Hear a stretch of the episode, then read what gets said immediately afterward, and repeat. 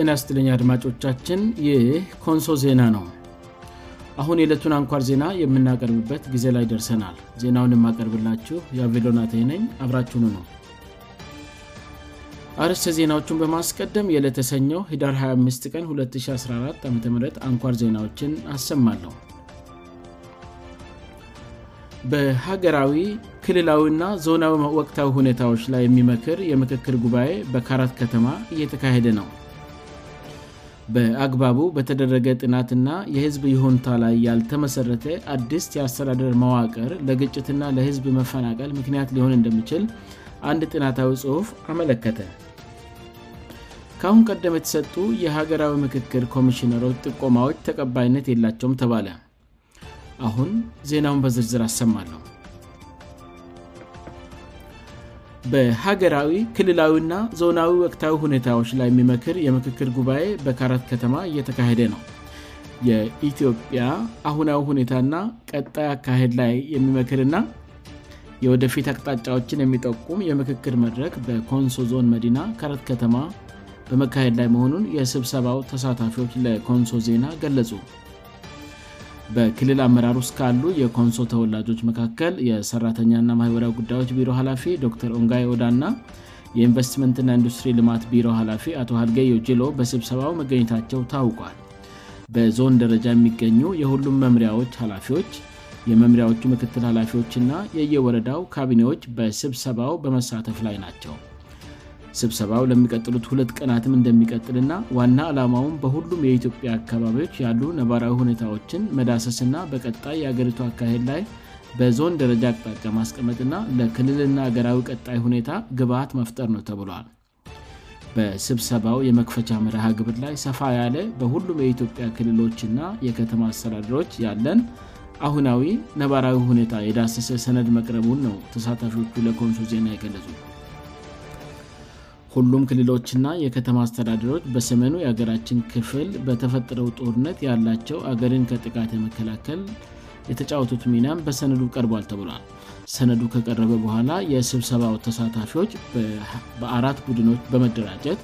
በቀረበው ሰነድ ላይ ውይይት ማድረግ መጀመራቸውም ታውቋል ሰነዱ በሚሰጠው አቅጣጫ መሠረት በሰመኑ የኢትዮጵያ ክፍል ያለው ጦርነት ከሞላ ጎደል በትግራይ ክልል ውስጥ ብቻ እንዲወሰን ሲደረግ ወይም ሙሉ በሙሉ ከቆመ በኋላ በተቀረው የኢትዮጵያ ክፍሎች ሊከሰቱ የሚችሉ ችግሮችንና ግጭቶችን መለየትና በዚህ በጦርነት ወቅት በአገር አቀፍ ደረጃ የታዩ አዎንታዊ ሁኔታዎችንም ቡድኖቹ በውይይታቸው ይገመግባሉ ተብሎ ይጠበቃል በተጨማሪም የመላ አገሪቱን ትኩረት ከወሰደው ጦርነት መልስ በኮንሶ ዞን ደረጃ ችግር ሊያስከትሉ የሚችሉ ሁኔታዎችንም ለይቶ ለመንግስት ማመላከት ከውይይቱ እንደሚጠበቅ ተገልጿል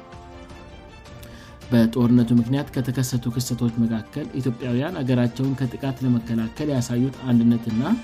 ሀብት በማሰባሰብም ሆነ የሰው ኃይል በማዋጣት ረገድ መላው ኢትዮጵያውያን ያደረጉት ተሳትፎ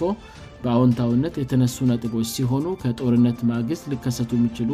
ድልን የመሻማት ሁኔታዎች እና አሁንም በአሸባሪው ቡድን ህዋሳት አማካይነት በክልሎች ወይም በብሔሮች መካከል ልከሰቱ የሚችሉ ግጭቶች በአገር አቀፍ ደረጃ ትኩረት የሚፈልጉ ጉዳዮች ተደርገው መነሳታቸው ተገልጿል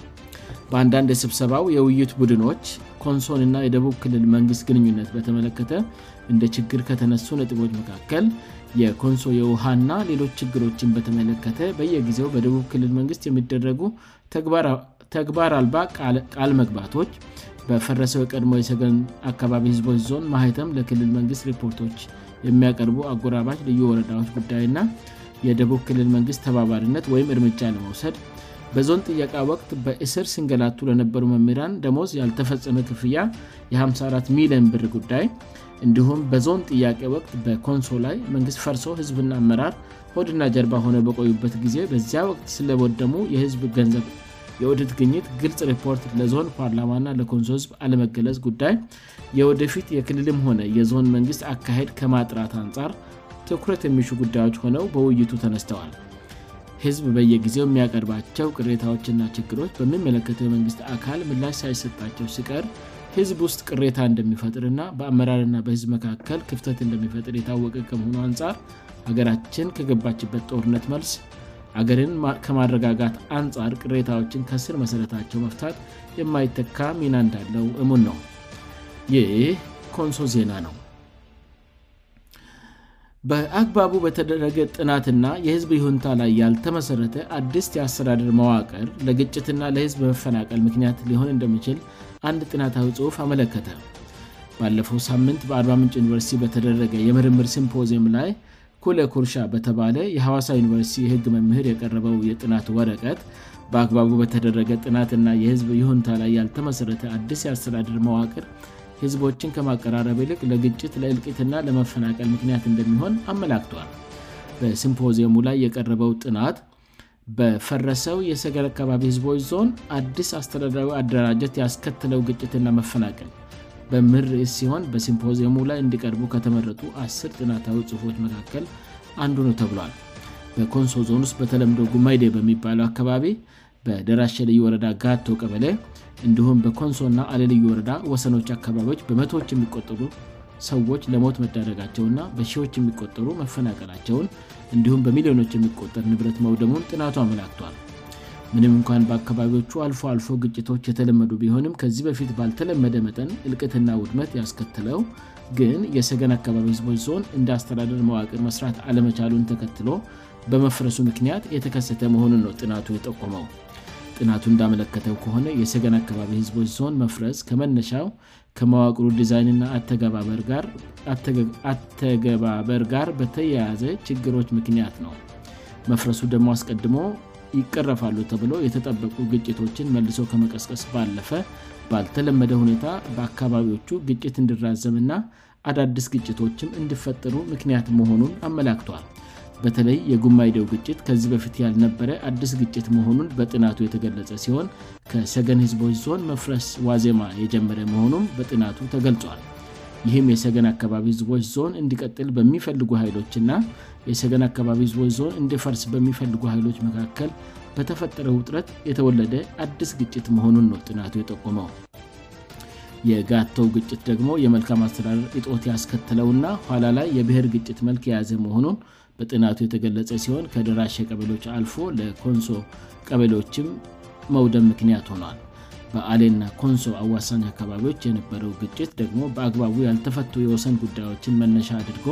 ከላይ ለተገለጹት ግጭቶች እንደነዳጅ ሆኖ እንዳባባሰው ነው ጥናቱ የገለጸው በአጠቃላይ ግጭቱ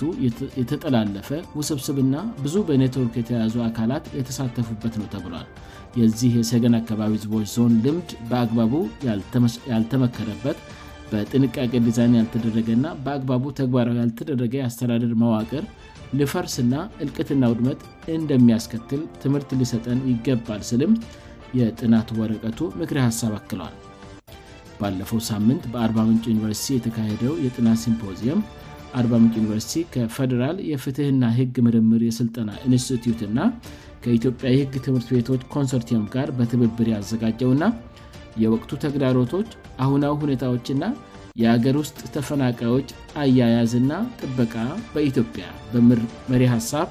የተካሄደ ነው ተብሏል ይህ ኮንሶ ዜና ነው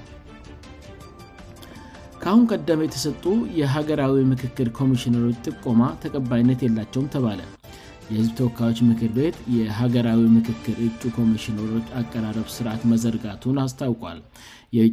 ኮሚሽነሮችን ጥቆማ የሚቀበልና የሚያደራጅ የጥቆማ ተቀባይ ኮሚቴ ተቋቁሟል ያሉት የምክር ቤቱ አፊ ጉባኤ አቶ ታገሰ ጫፎ ኮሚቴው ጥቆማ ከመቀበል ጀምሮ በምክር ቤት ውስጥ ከሚሾሙ ድረስ የተለያዩ ተግባራትን እንደሚያከናውን ገልጿል በኮሚቴው የምክር ቤቱ ጽህፈት ቤተሰብሳቢ ኖ ዩም ዶር ሄኖክስ ስዩም ጨምሮ ሌሎች ሁለት አባላት መካተታቸውንም ነው አፈ ጉባኤ ያስታወቁት እንደ አቶ ታገሰ ገለፃ የጥቆማ አቀባበል ሂደቱን ግልጽ አሳታፊ ተማኒና ከአድሎው የጸዳ ለማድረግ የሚያግዝ አማካሪ ቡድንም ተቋቁመዋል አማካሪ ቡድኑ በራሳቸው በአቶ ታገሰ ጫፉ የሚመራ ሲሆን የፈደራሽን ምክር ቤት አፈ ጉባኤ የፈደራል ጠቅላይ ፍርድ ቤት ፕሬዝደንት የሃይማኖት ተቋማት ጉባኤ ና የሲቪክ ማህበራት ጥምረት ተወካይ በአባልነት ተካተውበታል የተለያዩ ተግባራትና ሀላፍነቶች የተሰጡት አማካሪ ቡድኑ ከቀረቡ እጭዎች ውስጥ በአዋጁ ላይ የተቀመጡትን መስፈርቶች በከፍተኛ ደረጃ የሚያሟሉትን እጭዎች በመለየት ረገድ አፈ ጉባኤውን ማማከር ዋነኛው ተግባሩ ስለመሆኑ ጉዳዩን አስመልክተው ዛሬ በተደረገ ውይይት መጠቆሙን ምክር ቤቱ አስታውቋል የጥቆማ መስጫ መር ግብርና ጥቁማ የሚሰጥበት ፎርማት ገና ይፋ ሳይደረግ ጥቁማዎች እየቀረቡ ስለመሆኑ አፈ ጉባኤው ገልፀው ነገር ግን እነዚህ ጥቆማዎች ተቀባይነት እንደማይኖራቸው ተናግረዋል ሀገራዊ የምክክል ኮሚሽን እጩ ኮሚሽነሮች ማቅረቢያ ጊዜ ፎርማትና አጠቃላይ የእጩች አቀራረብ ስርዓትን በተመለከተ አፈ ጉባኤው ዛሬ ከሰዓት በኋላ ጋፃዊ መግለጫ እንደሚሰጡ ይጠበቃል ይህ ኮንሶ ዜና ነው አድማጮቻችን ዜናውን ከማብቃት በፊስ አርስ ዜናዎቹን በድጋሚ ያሰማለሁ በሀገራዊ ክልላዊና ዞናዊ ወቅታዊ ሁኔታዎች ላይ የሚመክር የምክክር ጉባኤ በካራት ከተማ እየተካሄደ ነው በአግባቡ በተደረገ ጥናትና የህዝብ ሆኑታ ላይ ያልተመሠረተ አዲስ የአስተዳደር መዋቅር ለግጭትና ለህዝብ መፈናቀል ምክንያት ሊሆን እንደምችል አንድ ጥናታዊ ጽሁፍ አመለከተ ከሁን ቀደም የተሰጡ የሀገራዊ ምክክር ኮሚሽነሮች ጥቆማዎች ተቀባይነት የላቸውም ተባለ ዜናው በዚያ በቃ አድማጮቻችን የዕለቱ አንኳር ዜናዎቻችን ይህን ይመስሉ ነበር ስላዳመጣችሁን እናመሰግናለን ኮንሶ ዜና ነገም በተመሳሳይ ሰዓት እንደሚጠብቁ ተስፋ ያደርጋል እስከዚያው